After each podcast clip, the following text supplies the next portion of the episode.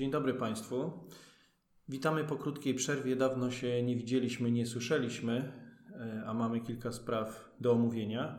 Tych spraw nam się trochę nazbierało. W sumie to policzyliśmy, że mamy sześć tematów, z którymi chcielibyśmy dzisiaj wystartować. No i zaczniemy chyba od takiego tematu dla nas. Nie, zaczniemy od żartu. Generalnie od Będzie czego nietypowo. zaczniemy? Tak, może zaczniemy od żartu, a później przejdziemy do tematów Słuchaj, merytorycznych. y, jaki dżem był ostatnio popularny w urzędzie? Którym urzędzie? Ochrony danych osobowych. Nie mam pojęcia, boję się powiedzieć, ale może morelowy. dokładnie, dokładnie. Rzeczywiście sporo, sporo decyzji upłynęło y, od naszego ostatniego spotkania. Y, Niektóre decyzje zostały nawet utrzymane przez Wojewódzki Sąd Administracyjny w Warszawie i jedną z nich była decyzja nakładająca rekordową karę 2,8 miliona złotych na Morele. Może podamy po prostu liczby, bo generalnie o morelach to już Państwo wiecie, o morelach jako morelach, a nie dżemie morelowym, to Państwo wiecie dużo. Natomiast tak, mamy karę 2,8 miliona złotych. Yy, Mieliśmy odwołanie do sądu administracyjnego i wszyscy zapartym tchem czekali, co sąd na ten temat. No i sąd tą karę utrzymał. Zresztą sama decyzja, bardzo obszerna, była, ym, jak podejrzewamy, napisana już w taki sposób, żeby e, broniła się, no jak widać, broniła się skutecznie e, w sądzie. Sąd w ustnym uzasadnieniu e, stwierdził, że Morele, przetwarzając dane ponad 2 milionów użytkowników, powinny przeprowadzać analizę ryzyka i właściwie zabezpieczać dane.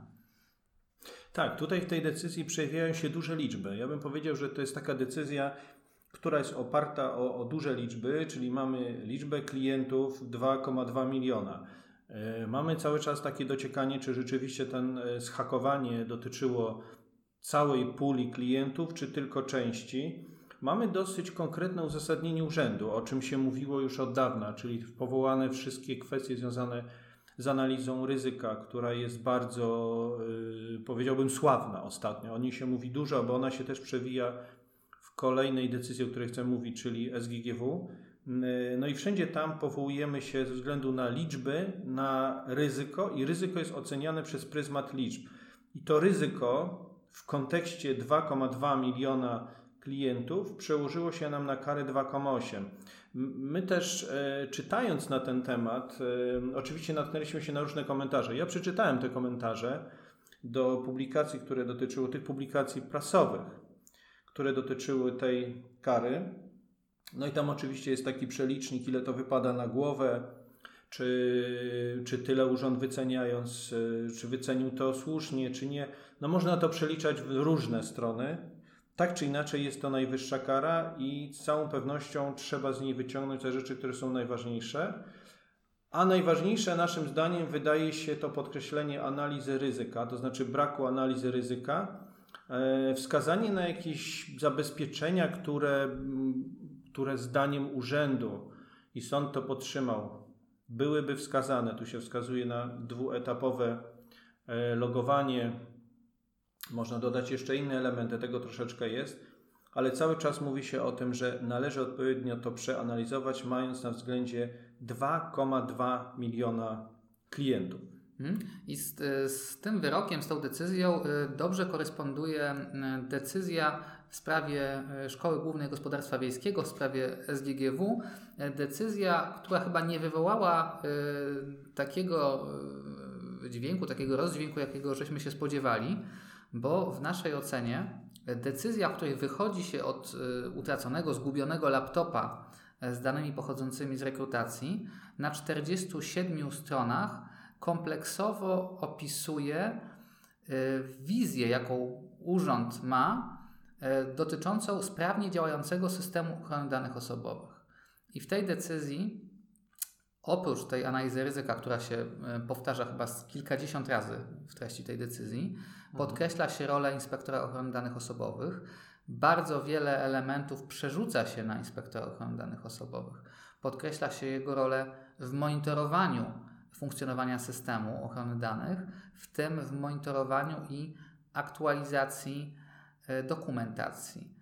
w, w polityce, w procedurze privacy by design i też co ciekawe w szkoleniach.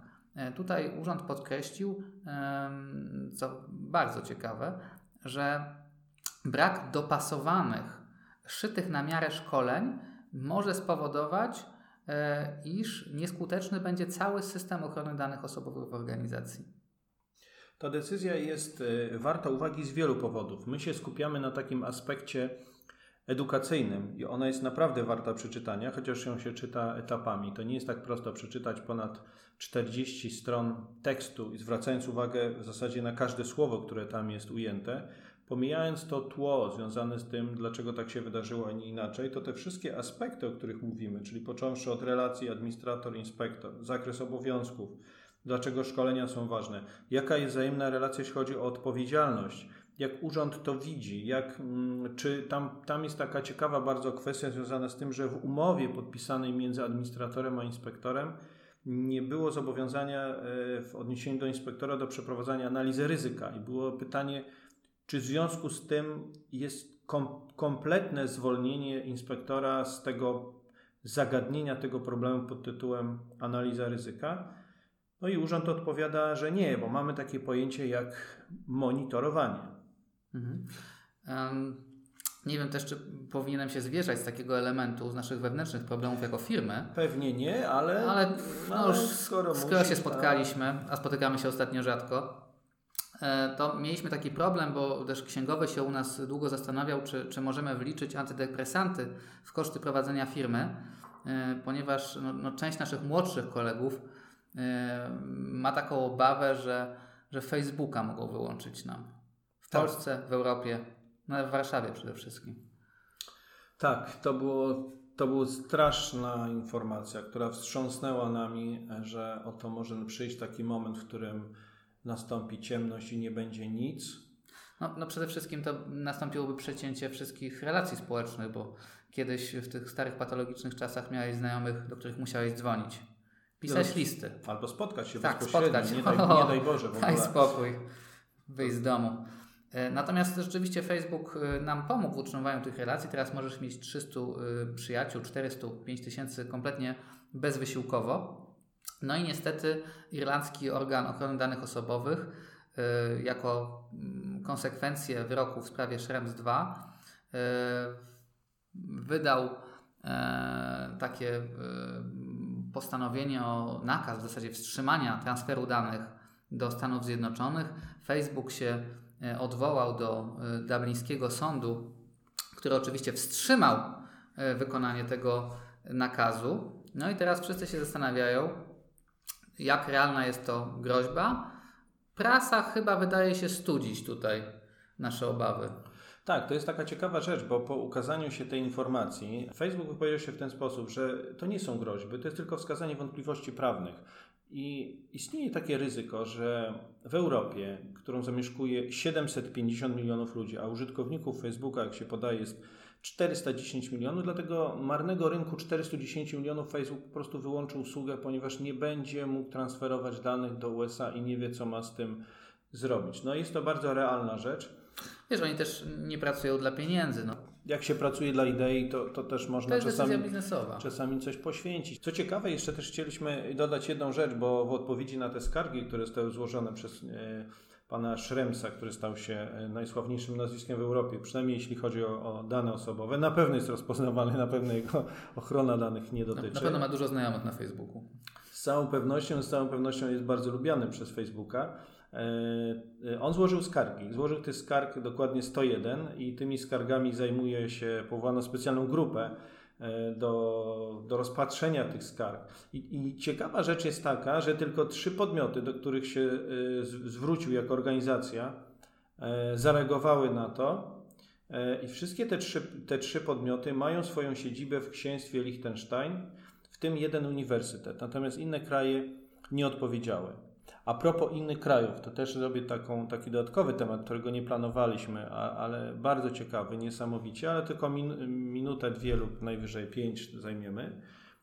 Mianowicie jestem wzruszony do dzisiaj taką informacją, że y, organ duński złożył sam na siebie doniesienie, ponieważ nie zdążył ze zgłoszeniem incydentu w ciągu 72 godzin.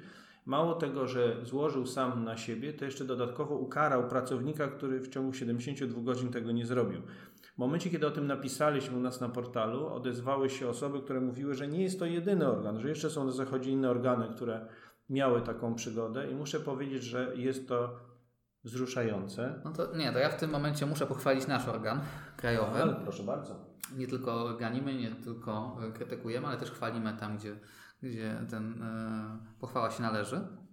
E, nasz organ wydał e, takie stanowisko jakiś czas temu, w którym rozwiązał jedną z takich kwestii, która się pojawiła w praktyce funkcjonowania organów publicznych, podmiotów publicznych. Otóż, czy można stosować artykuł 6 ust. 1 litera F, czyli tak zwany prawnie uzasadniony interes, jako podstawę przetwarzania danych. Dlatego, że z treści artykułu 6 jasno wynika, iż no, przesłanka nie znajduje zastosowania e, do przetwarzania wykonywanego w ramach realizacji zadań tych podmiotów. I tutaj bardzo słusznie organ nasz krajowy stwierdził, iż analiza tego przepisu prowadzi do wniosku, iż poza tymi zadaniami publicznymi, jeżeli organ nie dysponuje inną przesłanką, jak najbardziej może z naszej przysłowiowej ewki korzystać. Mamy jeszcze, jeszcze jedną rzecz, już tak na koniec, bo tych tematów jest sporo, ale też obiecujemy, że po tej przerwie trochę dłuższej wakacyjnie będziemy wracać e, znacznie częściej. I druga rzecz, jeśli chodzi o Skandynawię, to, to mamy statystyki, które Państwo już widzicie u nas na portalu e, na gdpr.pl. I tutaj chodzi nam o liczbę wniosków o konsultacje uprzednie złożone w trybie artykułu 36.1, których w Polsce złożono zero. Zresztą Polska nie jest jedynym krajem. Na przykład Irlandia, o której wspomnieliśmy, też jest zero, ale na przykład Niemcy jeden wniosek. Nie jest to jakaś, jakaś liczba e, powalająca.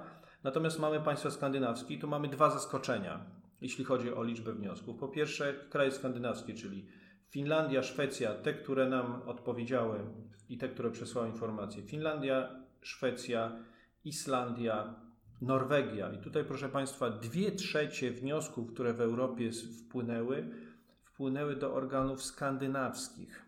Pytanie dlaczego pozostawiam otwarte, bo to jest dobre pytanie, bardziej do dyskusji taką socjologiczną, powiedziałbym, czy nawet filozofii prawa. Drugie zaskoczenie, no pełne dane macie Państwo na stronie, więc proszę sobie po prostu tam e, poszukać. Zresztą opisaliśmy to e, z naszego punktu widzenia. Jednocześnie oczywiście dziękujemy organom, które nam odpowiedziały, bo bardzo, bardzo fajnie nam się współpracuje z niektórymi organami, czy z większością. Następna rzecz, która mnie zaskoczyła w tej statystyce, już ostatnia, to jest to, że 35 wniosków złożono w takim kraju jak Chorwacja, tak, znaczy z naszej perspektywy dosyć zaskakujące są dwa państwa. Po pierwsze Niemcy, gdzie mamy bardzo aktywne te regionalne, landowe organy nadzorcze i tam takich wniosków złożono tylko jeden, a jeszcze mniej, ponieważ okrągłe zero e, złożono w Polsce. Nie znamy przyczyn e, braku aktywności administratorów. Ja za pomocą takiej niedoskonałej metody indukcji enumeratywnej niezupełnej mogę tylko wskazać ze swojego doświadczenia, że gdy proponowałem zgłoszenie jednego czy dwóch procesów do konsultacji e, z organem, to zarządy spółek patrzyły na mnie tak, jakbym ich chciał tutaj na miejscu na pieniądze poszukiwać. E, więc no, nie, wywo nie wywołała ta perspektywa. Nie było entuzjazmu. Nie było entuzjazmu. Dobrze, proszę Państwa, na koniec mamy jeszcze, jeszcze, jedno, e, jeszcze jedną informację, jeszcze w zasadzie jedno taki, ogłoszenie. taki product placement, dlatego że zbliżają się święta, Tomaszu. I tak no, dużo tak. osób mnie pyta. W sumie tak. Michał, ale co można kupić bliskiej osobie, znajomemu na święta? Coś wartościowego. A wartościowe są książki. Bo książka to wiedza, a wiedza to mądrość. I książka książce nierówna. Na przykład teraz jestem w trakcie lektury książki, która mówi o tym, jak odczytywać oszustwa i muszę powiedzieć, że jest napisana na poziomie mniej więcej między 10 a 12 rokiem życia. No to tego to na pewno nie, nie da się powiedzieć o, myślę, obiektywnie najlepszej publikacji w tym roku. Co tego obiektywizmu mogą mieć Państwo, jeżeli sprawdzicie Państwo listę autorów pewne wątpliwości, natomiast jest to książka Ochrona danych osobowych w zatrudnieniu pod redakcją pani dr Dominiki Dory Kolasy. E, jest to e, bardzo specjalistyczna publikacja. dotycząca właśnie obszaru zatrudnienia z bardzo liczną i myślę wybitną, wybitnym zespołem autorów, do którego również dokoptowano nas, za co z dołu dziękujemy. Można powiedzieć, mm, bez kozery najlepsza publikacja, ale już tak mówiąc y, trochę bardziej poważnie, bardzo fajna publikacja, bardzo szeroko omawiająca temat, w której też napisaliśmy parę słów. Y, polecamy. Mm, tych publikacji ukazuje się bardzo dużo. Nie wszystkie warto czytać, ponieważ nie, wszystkich, nie wszystkie zdążymy przeczytać, więc generalnie tutaj z całą pewnością y, polecamy, żeby trochę czasu temu poświęcić. To z naszego punktu widzenia na dzisiaj, bo czas niestety ogranicza na nas e, w wielu miejscach, to jest wszystko. Postaramy się dochowywać cyklu, cyklów miesięcznych. Zdecydowanie tak, ponieważ tematów jest coraz więcej. Także w, bardzo dziękujemy za uwagę. I do usłyszenia. Do usłyszenia.